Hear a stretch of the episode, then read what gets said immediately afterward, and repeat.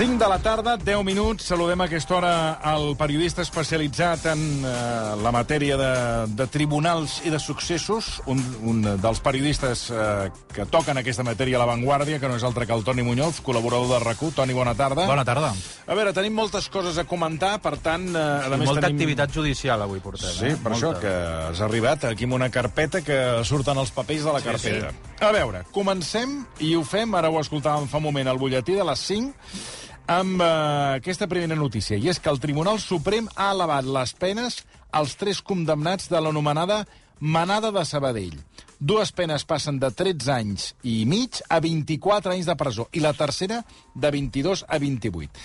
Uh, ara fa un moment, a micro tancat, amb el Toni Muñoz, estava, jo estava intentant recordar de quin cas es tractava, perquè, malauradament, com que de tant en tant hem de parlar d'aquest tipus de, de casos de manades, uh, i l'estàvem intentant situar. I ara el Toni ens farà el favor, una altra vegada, que m'ho acaba després d'explicar-m'ho a mi, que ens situï de quina manada estem parlant. Sí, aquí estem parlant d'un cas d'una noia que al febrer del 2019 sortia d'un bar musical eh, després d'haver passat la nit amb els, amb els seus amics, era la, de matinada, va sortir, va marxar sola cap a casa, quan va ser abordada per un noi que ja, doncs, en aquell mateix moment, en un carreró, doncs, la va agredir sexualment. Després la va traslladar cap a una sucursal bancària abandonada, on hi vivien una sèrie de joves, i allà doncs, la, hi ha altres dos joves doncs, que la van agredir també sexualment, i els altres joves que també estaven allà doncs, eh, no van fer res per evitar-ho.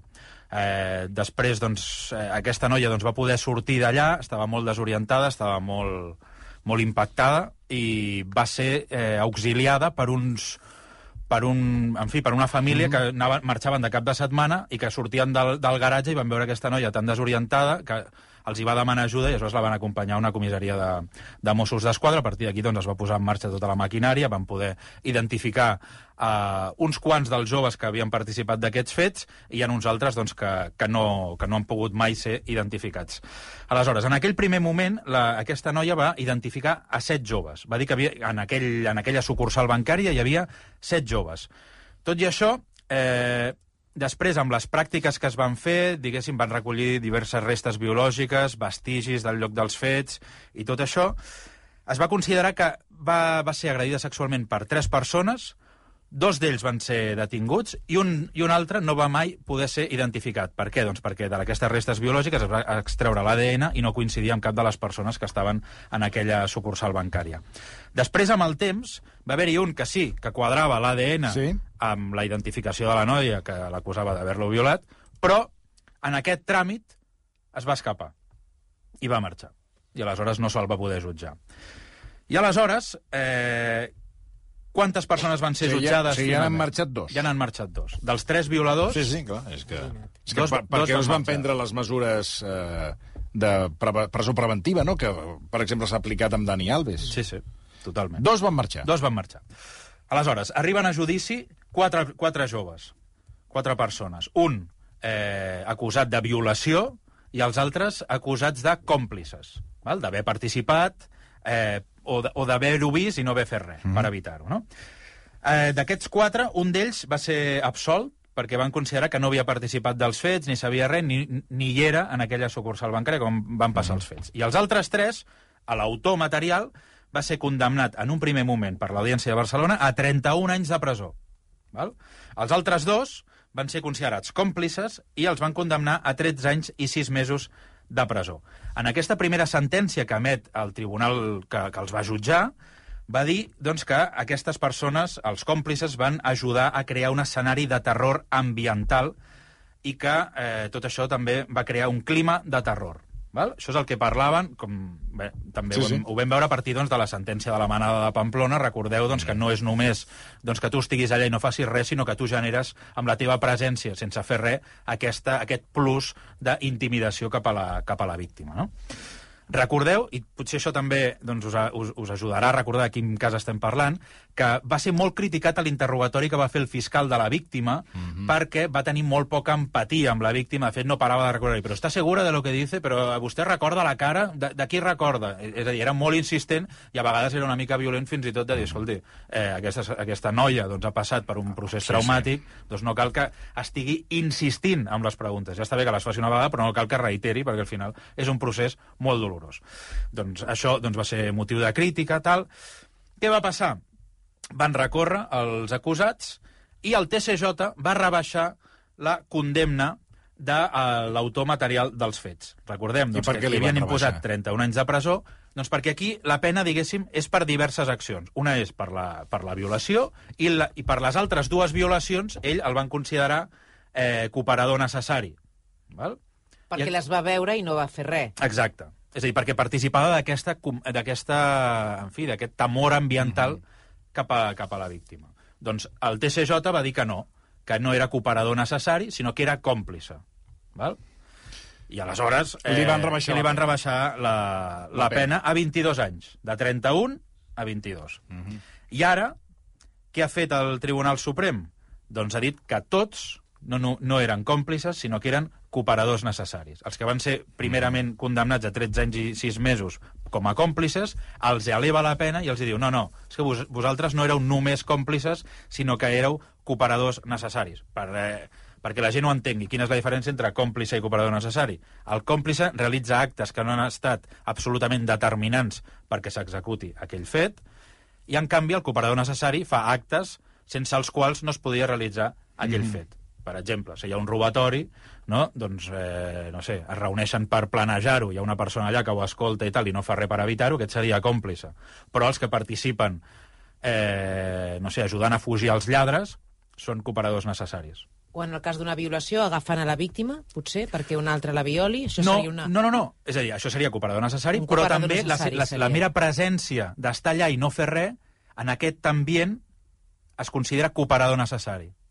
Val? Mm -hmm. Perquè, és a dir, tu vas ajudar a doblegar la, la voluntat de la víctima amb la teva presència intimidatòria en aquell, en aquell àmbit. Mm. I ara, doncs, és el que ha fet, és a dir, eh, Ha, ha augmentat la ha pena. augmentat les penes. Perquè hi ha un nou, eh, una nova, diguéssim, una nova epígraf de la llei per augmentar aquestes Una nova manera de- d'interpretar aquests fets. Recordeu, doncs, que abans de la, de la manada de Pamplona es considerava que si la víctima no resistia, doncs no es considerava que hi havia hagut intimidació i, per tant, les penes moltes vegades eren molt lleus. Ara és tot el contrari. Tu estàs allà i no fas res per evitar-ho, tu generes una sensació o agreuges aquesta sensació de por cap a la víctima i, per tant, ets cooperador necessari, no només còmplice, cooperador necessari. Mm. I, I, per tant, la, atenció, eh, la pena se'ls eleva de 13 anys i mig a 24 anys, que és molt. Però mm, la faran complerta, la pena. En 24 no... En principi, en principi sí, ja Sí, veurem. van, van canviar la llei per això, no? Mhm. De les- S'havien de complir tots els anys de les penes. No, ho dic perquè a vegades és allò que amb una pena de 30 anys i al final n'acaben fent 15. Sí, perquè hi ha un màxim compliment, si no recordo malament, de... Per això ho de pregunto, 25. eh? No mm, sóc un expert en la matèria, per això, per això ho pregunto. Bé, aquesta és una de les qüestions que hem conegut aquesta tarda. I també, en l'àmbit eh, judicial, eh, un repartidor de Delibero ha estat condemnat a 11 anys de presó acusat de tres agressions sexuals i una violació que aquí, comparat amb la- amb l'altre, ho trobo poc, a Barcelona entre finals del 2020 i principis del 21. Això com ha anat? Doncs mira, això el, el, el que va passar doncs és... A... Perquè parlem ara de 25 anys, de 24 anys, i de cop i volta... Per, per ser eh, cooperadors. Sí, ja, per això I dic, aquest però, és violador. Tre, clar, tres agressions sexuals i una violació i li posen 11 anys. Home, hi ha alguna cosa aquí que no, no s'entén. Sí, aquí hem de parlar, eh, si en rematíssim a l'anterior Codi Penal, quan parlem de tres agressions sexuals i una violació, és a dir, en el fons serien quatre agressions sexuals, Exacte. però estem parlant de tres, eh, i que ningú se m'enfadi, però de tres tocaments, i l'altre seria una agressió sexual, amb, eh, serien uns tocaments molt més agreujats i que també doncs, es considera agressió sexual. Aleshores, eh, aquest era un, un repartidor, de, un rider no? de, de menjar a domicili doncs, que aprofitava quan bé, que anava, que anava amb la seva indumentària, amb aquesta motxilla Sí, que sí. transportava, doncs, per colar-se en alguns portals i abusar i agredir sexualment a, a les víctimes. Això va passar entre el 2020 i el 2021. Van ser quatre les víctimes, tres van rebre eh, tocaments. En un cas, doncs, per exemple, va- una noia doncs, que anava a tirar les escombraries, quan va tornar al portal, doncs, aquest senyor es va colar al darrere i li va tocar els pits. En un altre cas, doncs, també va entrar darrere al portal i li va tocar el cul amb una, altra, amb una menor d'edat. Eh, i, en, I en un cas més greu, doncs el que va Sí, fer sí, va ser... parlem li va- violació. li, li, va, li, va, li va tocar eh, doncs, les seves parts íntimes eh, a, una, a, una, a una altra dona. Al final, doncs, aquestes víctimes el van denunciar, el van identificar perfectament, eh, li demanaven 36 anys de presó, però ell va ingressar 4.500 euros per reparació del dany, i com que es considera que ell ha col·laborat amb la justícia i ha intentat doncs, reparar el mal que va fer, doncs ha vist eh, rebaixada la pena inicial doncs, que li demanaven de 36 anys i finalment la condemna li queda a 11 anys i 3 mesos de, de presó. O sigui que pagant... Bé, en principi sempre això és, és una, una cosa que es diu atenuant molt qualificada quan tu intentes tornar els diners o intentes reparar el dany que, Ja. que has fet, però, però vaja. Això em ve al cap, és que ara estava, el camp estava, estava buscant, el, el meu servei estava buscant l'arxiu de on havi, havia vist una cosa similar, i això, el- l'incendi, el, documental de l'incendi del Windsor, la família que va fer el- l'edifici van fer el seu, eh, tenien, eh, tenien un grapat de sales de cinema i van fer unes obres sense permís subcontractades, de subcontractades, de subcontractades a la marquesina d'un dels cinemes de Madrid. Aquesta marquesina va cedir perquè no tenia permís municipal i era una obra contractada, de subcontractada, de subcontractada, va cedir i va matar, no em facis dir si, 8, 9 persones, perquè va caure sobre la gent que estava esperant en el cinema. Això parlo dels anys 70.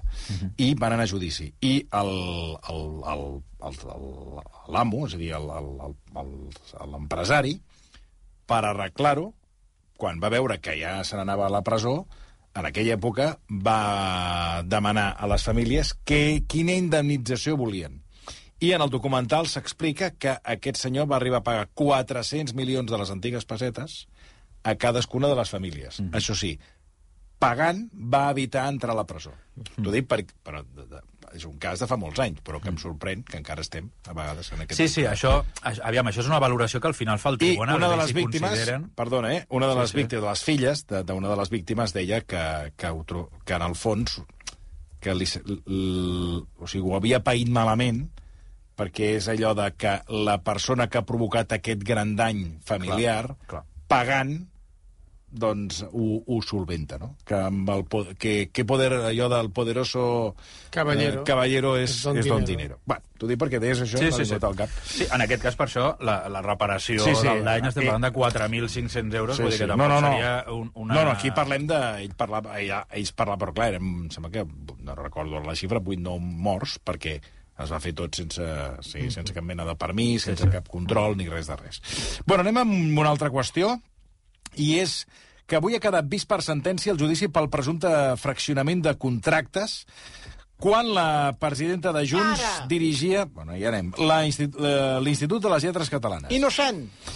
Uh, la Fiscalia ha mantingut la petició de 6 anys de presó per Borràs i ha rebaixat la dels altres dos acusats perquè, clar, havien pactat amb la Fiscalia. Aquest matí, Toni, has estat al Tribunal Superior de Justícia de Catalunya i has estat testimoni de com Laura Borràs ha carregat contra la Fiscalia, els jutges i els altres acusats en el judici. Què destacaries de la seva intervenció? Doncs mira, bàsicament, eh, Laura Borràs ha aprofitat el torn de l'última paraula doncs, per fer un discurs que portava preparat, el portava escrit. No és gaire habitual que això es faci, però, en fi, està en el seu dret de fer-ho.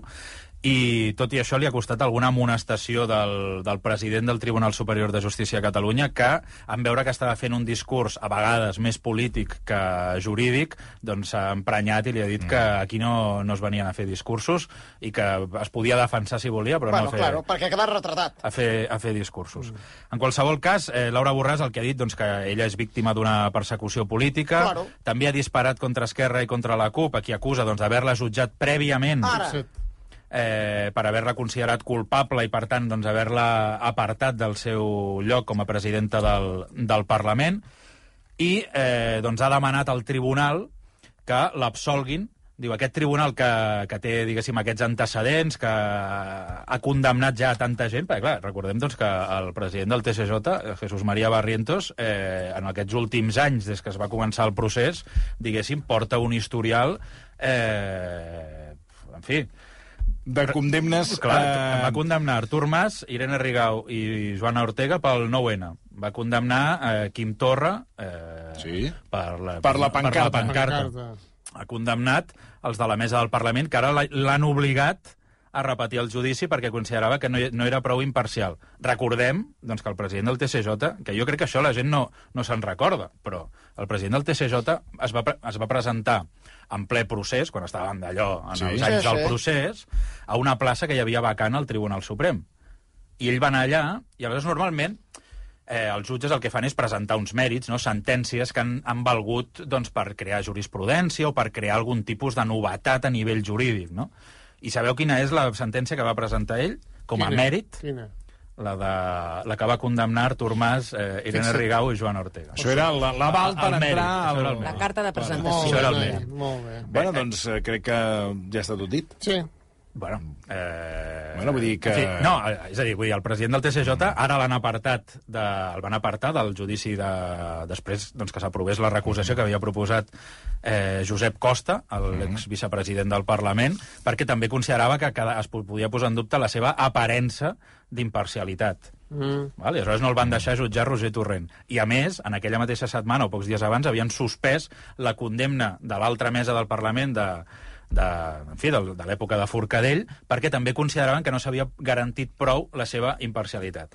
Ara, doncs, el van intentar recusar, no se'n van sortir, van dir que no, que no tenia res a veure això No. amb, amb els antecedents eh, No, no. del procés, i l'han deixat jutjar a Laura Borràs, Mm. i avui Laura Borràs doncs, els ha demanat això, que aquest eh, tribunal de la injustícia, ha dit ella, de la doncs que, que faci, Home, si ja que faci di- si justícia ja li dius al jutge, ja, el jutge ja... Ja el tens de cul. Home, ja, ja, ja, ja, ja t'hi tenia ganes, però Sí. ara encara, Home. encara t'hi et posarà encara més, més bé per, per condemnar-te. En qualsevol cas, en aquest al·legat, eh, a vegades més polític que, que jurídic i més, de, més polític que de pròpia defensa, doncs ell ha dit que eh, se sentia víctima del lawfare, d'una persecució política, i que ja avisava que ella no renunciaria ni a, la independència de Catalunya ni a les seves idees, sigui quina sigui la, la sentència. Aquesta causa està vinculada a dues passions que expliquen qui sóc i com sóc. I tant. Les lletres catalanes i la lluita independentista. Sí. I no hi renunciaré. No hi renunciaré mai, perquè seria com renunciar a mi mateixa. I vull que quedi clar que no he malversat ni defraudat mai Això és el que ha dit Laura Borràs. Molt bé, molt bé, Em, molt bé. Borràs, eres lo más! Borràs, eres lo más! Borràs, eres lo más! Borràs, eres lo más! Borràs, escucha, tu inocencia es la bucha. Com? Com? Com això? Què? Que no sabia com rimar-ho. Què has dit? Què ha dit? Tu inocent... Borràs, escucha, tu tu inocencia- inocencia es la bucha. Que les abucha, que, que, que, els, que els No, molesta. tu inocencia es mucha. Que... Sí. Borràs, escucha, tu inocencia... No Va. rima, no rima. No, No rima res. Mentre es troba la rima, esperi perquè no hem acabat. Eh, bueno, com ha, com ha quedat això exactament? Les penes eh, que demana el Ministeri Públic. Doncs mira, recordem doncs, que al prin... abans de començar el judici vam, vam explicar doncs, Sí. que s'estava negociant aquest, eh, aquest, eh, Pacte. aquest pacte entre els dos acusats Sí. per incriminar Laura Borràs i poder aconseguir una pena inferior que els evités doncs, una... en fi, acabar ingressant a la presó. Doncs avui s'ha confirmat aquest pacte. Ja vam veure doncs, una, un primer capítol en què els acusats van confessar els fets, van reconèixer que s'havien fraccionat contractes a la Institució de les Lletres Catalanes i que s'havien falsificat els pressupostos que els acompanyaven. Tot això doncs, per afavorir l'amic de, de Laura Borràs, per, de cara doncs, a Bueno, l'amic, els- l'amic. Ens han renyat molt que no eren amics, eh? Que no eren que eren, No. no sé, eren coneguts o no sé què eren. Uns però- covards, uns covards. Bueno, era uns cone- covards. conegut segur. Això Uns segur. covards, és el que sou. Bueno, hem passat d'amic, cada cop que diem amics tenim tres o quatre persones que ens Bueno, que matitzen que, que no... no- que no són Que amics. No són amics. amics, no són amics. El va agafar perquè era la persona més ben preparada i la persona millor indicada i més prestigiosa per fer aquella pàgina. Això és el que ha dit Gonzalo Boy avui. Ha parlat doncs, que era un geni. És a dir, era que tenia un don... A l'Einstein de les pàgines web, Sí. Això a vegades... eh, però con una, que una, no- con no- alguna edición, presuntamente. que no dic que no sigui veritat, eh? però sí que es, es fa gràcia a vegades com destaquen, per destacar que realment era el millor, no? posen uns adjectius molt A grandiloquents. l'Einstein de les pàgines web. Vull recordar fa molts anys, quan estaven jutjant a, el Manuel Bustos, de Sí, l'alcalde de Sabadell, home, sí. sí. recordes que per haver eh, en fi, acordat un concurs públic amb una, per, per endollar a un arquitecte municipal a Montcada i Reixac, l'advocat eh, Cristóbal Martell va parlar que aquella dona no la van endollar, sinó que era la Messi Sí, sí. de l'urbanisme Sí, de senyor. Catalunya Sí, sí. era la, el Messi de l'urbanisme a Catalunya era aquella senyora. Doncs avui, en comptes d'això, doncs han dit que aquest senyor era un geni Era molt i que llest. se l'havia de... La persona més llesta, la més ben preparada, la millor. i, i que se l'havia de contractar. En qualsevol cas, Eh, després d'aquest pacte, la Fiscalia ha rebaixat la, la petició de pena cap als dos acusats. Ah. Isaías Herrero, aquest eh, conegut de Laura Borràs, finalment li demana una pena de dos anys de presó. Chivatos. S'ha de recordar. Du? Dos Els anys. xivatos. S'ha de dir que li, li demanaven la mateixa pena que a Laura Borràs, sis anys de presó, Xivatos. i ara doncs, li queda rebaixada a dos anys de presó. A dos no entres a la presó. amb dos no entres a la presó. I també podeu preguntar, però aquest senyor l'havien mm. condemnat a 5 anys de presó per tràfic de drogues i Sí. per eh, falsificació de moneda. Doncs com que aquells, aquests fets que es jutgen ara són anteriors al fet del tràfic de drogues, doncs no computa a efectes d'antecedents. I per tant no compta. Sembla una cabra. O sigui, quan, Sí, quan els fets són previs, Clar, no és... Eh, perquè tu no tenies antecedents aleshores, saps? No, ja, ja, per lo que convé. Però aleshores, amb l'altre condemnes, clar, si són 5 anys, sí que haurà d'anar a la presó. No, perquè ja et dic, l'altra condemna és per uns fets posteriors a aquests, i aleshores no compta. Com que ja està, ja ha estat condemnat, a part aquella pena també li va ser commutada a canvi doncs, de que fes un curset... Clar, i sí, no aquest és el que faci falta. Bueno, qualsevol cas, Isaías Herrero li demanen dos anys de presó i l'altre acusat... O sigui, l'Isaías... Eh, com es diu, Isaías? Isaías Herrero. Herrero, que és un... Traicionero. És, bueno, que, que és un pinta, eh, se'n va de, de rosites. Sí, sí, sí. Va. Ella, ja no, no, li bé, demanaven sis anys de Ara, presó. també deixa'm dir que Laura Borràs palla l'ull a l'hora de fitxar... No, segons perdona, qui. que era el millor, eh? Bueno, el millor... El més ben preparat, Ja, el millor. ja, ja, ja s'ha vist que mm, el millor no era. Bueno, ells han defensat i... Bueno, i clar, que de, alguna cosa havien de defensar, No, no, perquè, però- clar, no, o sigui, però- al, al final, eh, em perdonaràs, però clar, eh, Boia defensant això, jo crec que no, no, no ha fet escapisme perquè, perquè, ja, perquè estava atrapat, perquè però si arriba a poder, fa el número del Mago Pop i te'l tornes a trobar a, allà a Waterloo que li van millor les coses. No, però vull dir que però tampoc no està, no està renyit, diguéssim, que fos bo fent la seva feina i després tingués aquests problemes. No, de- no l'hem vist, la seva feina. Tu bé que fumes puros. I què té que A mi veure? m'han dit, eh? Hi ha veïns que et veuen des d'allà al balcó i fumant què- i puros. què- i què hi té a veure? Oh, que després ve el chico sano, chico sano... Que jo no soc un chico sano. no, no, no respiri. No, és que jo no defenso que sóc un Sí, chico sano. no, que voy a jugar a Si, tenis si tot con el dia, mis si amigos tot el dia que... estic entrant i sortint de, dels Sí, hospitals, ja, que chico vida, sano. vida sana... No, i- és que no faig i vida ponte- sana, i- ja li estic dient que no. Vida sana, ponte plaques. No, ni I ponte- després anar fumant puros. Bueno, que, algun, que hem d'escoltar alguna cosa més, no? Sí, hem d'escoltar doncs, com eh, en fi, Laura Borràs s'ha queixat doncs, que aquest pacte previ entre els acusats doncs, li ha causat indefensió al llarg del Mm. això no es judici. fa, eh, això que han fet aquests No, dos. Això no es fa, eh? mai. Perquè, de fet, ella ha explicat, o almenys han mantingut aquesta versió al llarg del judici, que ells anaven de la mà en la defensa, que s'haguessin defensat conjuntament. De fet, van pagar una prova pericial Traïdor. de forma conjunta, que també va dir que la va pagar el marit de Laura Borràs. Fixa't. Per tant, ells s'han fi, en fi, ells, tant ells de- s'han sentit una mica traïts, no? De dir, vam arribar al judici, de cop i volta aquestes dues Aquí, persones... El, el, el, el, el Herrero, en casa d'Herrero... Cuchara de Cuchillo de ñordo.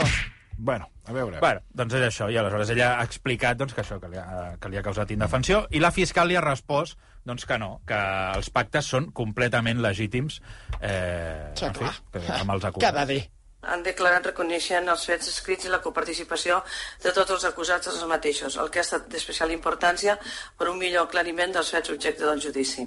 I per tant això té una, un reflexe a les penes que es demanaven en, a, en aquests dos acusats Mostro la meva conformitat amb l'escrit de conclusions provisionals presentat per la, el Ministeri Fiscal. Bé, aquí és quan s'han... En fi, la fiscal explicava això, no? que li han rebaixat perquè ha confessat els fets, i la- l'advocada d'Isaías Herrero, que és la Marina Roig, que és la, la del Jordi Cuixart, Sí. Sí. Ah, sí? doncs eh, deia això, no? que, que, s'ad- que s'adheria que s'adheria a la petició de la fiscalia i, i ja està. Bé, la Fiscalia no ha modificat la pena per Laura Borràs i ha mantingut, atenció, la petició de 6 anys de presó per ella, que és Una un accés. Eh, vergonya. a més dels 21 anys, 21 d'inhabilitació, 144.000 euros de multa pels presumptes delictes de prevaricació i falsedat documental. La fiscal, Teresa Duerto, ha enumerat eh, testimonis, contractes i correus electrònics que demostren que Borràs era el cervell de fraccionament dels contractes. Eh, què és el que ha dit exactament? Doncs bàsicament que ella era qui donava les instruccions de com s'havia de facturar, que ella era la cap de contractació de la institució de les lletres catalanes. Tot Recordem doncs, que en la seva intervenció Borràs va dir que ella doncs, eh, es recolzava en el que li deien els funcionaris, Ah. que mai la intervenció eh, delegada del Departament de Cultura va va aixecar la veu ni va posar la veu d'alarma dient doncs, que s'estaven cometent irregularitats i que ella no ha comès cap mena d'irregularitat, doncs la fiscal diu que no, que ella és qui manegava tot això No. i qui realment deia com s'havien de fer aquests contractes, que eren, al seu parer, fraccionats. La senyora Borràs, amb aquestes converses, li explica com han de fraccionar la feina perquè pugui ser sotmesa a una contractació menor A veure, la, la pregunta del milió és... Amb aquesta petició de la Fiscalia de 6 anys de presó, Laura Borràs podria acabar a la presó? A veure, si ens fixem només en els papers, clar, li estan demanant 6 anys de presó, sí que podria acabar a la presó. Si ara el tribunal doncs, li imposa una pena superior als dos anys, podria acabar a la presó. L'altra cosa és... Però això ja és, eh, en fi, opinió. Especular. Mm, seria molt gros que acabés a la presó. Bueno, clar, però és que per què li demanen 6 anys? Sí, sí. No, no, la, la pena és completament desproporcionada, això que demanen, eh? Vull dir, No. no... Pots demanar, no En sé... un cas semblant, Si, si m'apures, 3 anys, i, i, no. i després es rebaixa, però 6 anys... Però en, en un cas semblant amb això, s'han demanat sis anys? No conec cap altre cas semblant. Clar, és que no es jutgen els altres casos. Només es jutja aquest per què? Perquè és qui és. És que és així de clar. Encara Bueno, que no ara escoltarem la defensa de Laura Borràs, que ha fet un informe per intentar convèncer el tribunal, tot i que... Treu cagarrines per la que boca. el tribunal eh, serà difícil de convèncer-lo, que la presidenta de Junts és innocent. Ho ha fet després que la fiscal Teresa Duerto i els altres acusats hagin confirmat eh, el pacte. Anem a, A a escoltar què és el que han dit. La senyora Laura Borràs diu, Isaías, m'has passat els conceptes, però no els pressupostos. I entenc que esperes que els faci jo, i no dono abast. Pensa que cada pressupost teu n'he de fer tres més, amb tipografies i formats diferents. No he pogut fer-ho perquè cada dia tinc una feinada de cantinintín. Això, aquesta Això expressió no l'ha dit mai Laura Borràs. És un correu que estava llegint eh, i que va escriure Laura Borràs. No. I això és el que la Per fiscal... defensar-se de que ella no... No, no... No, no, és un correu, no, no, on, on en teoria li donava les instruccions de com s'havia de fer i que ella també participava Ja. de la confecció d'aquests pressupostos. I que canvieu la lletra per, perquè Exacte. no es noti Això és, el són que, el mateix. a- és el, un dels correus que ha llegit aquest, la fiscal. Però aquests, doncs per... però aquests correus es va veure ben clar que no que, que es van, era una prova falsa. Bueno, la defensa de Laura Borràs ha intentat, sobretot, Ah, ah. impugnar La... home, que la forma en què van accedir a aquests correus. Perquè hi havia un segell que el va, es, es va saltar, que això ho va Bueno, un explicar un, segell, perito... Un perito... Un, el hash. Parlaven del hash. No sé què era. No sap què és, no? Bueno, un cello, un cello d'aquests, que com si fos de cera, que, que ho va explicar... No, home, de cera no. Era una empremta digital. Sí, bueno, no. Però com si antigament fos un... Bueno, quan, Consell. quan tindrem la... Quan se sabrà això, la, la sentència? Jo crec que no trigarem gaire. Jo Bueno. crec que aproximadament d'aquí un mes, un mes i mig, ja podríem saber... Mira, Toni, he buscat altres casos per si hi Sí, ha hagut casos sí, això de condemnes per, per trossejar sí. contractes. Eh, I, per exemple, llegeixo una notícia del 12 de juliol del 2022 Sí. en què el Suprem va estudiar la condemna de presó imposada a un exalt càrrec de la Conselleria de Sanitat de la Comunitat de Madrid, que el 2013 va trossejar un contracte Ah. públic d'obres per poder adjudicar-lo més ràpidament sense treure-la a concurs. Doncs bé, aquest càrrec, eh, aquesta funcionària, alta funcionària de la Conselleria de Sanitat, va ser condemnada a 19 mesos de presó per saltar-se els processos de contractació i trossejar il·legalment un contracte. I ella va presentar un recurs al Tribunal Suprem perquè considerava que era una pena excessiva. 19 mesos de 19 presó. 19 mesos són dos anys, no? Ai, No perdó, arriba, un any, no, no, perdó, no un arriba. any, un any, no arriba, no arriba. No arriba, no arriba. no arriba. No arriba. Home, doncs aleshores... Sí, però una això cosa és la de Madrid i l'altra és la catalana. Mm, Per això eh, dic M'agradarà que veure. Sis anys. Toni Muñoz, moltíssimes gràcies A vosaltres. per haver-nos acompanyat. Eh, fem una pausa de 3 minuts i saludarem Marc Serra a veure amb quina temàtica ens sorprèn.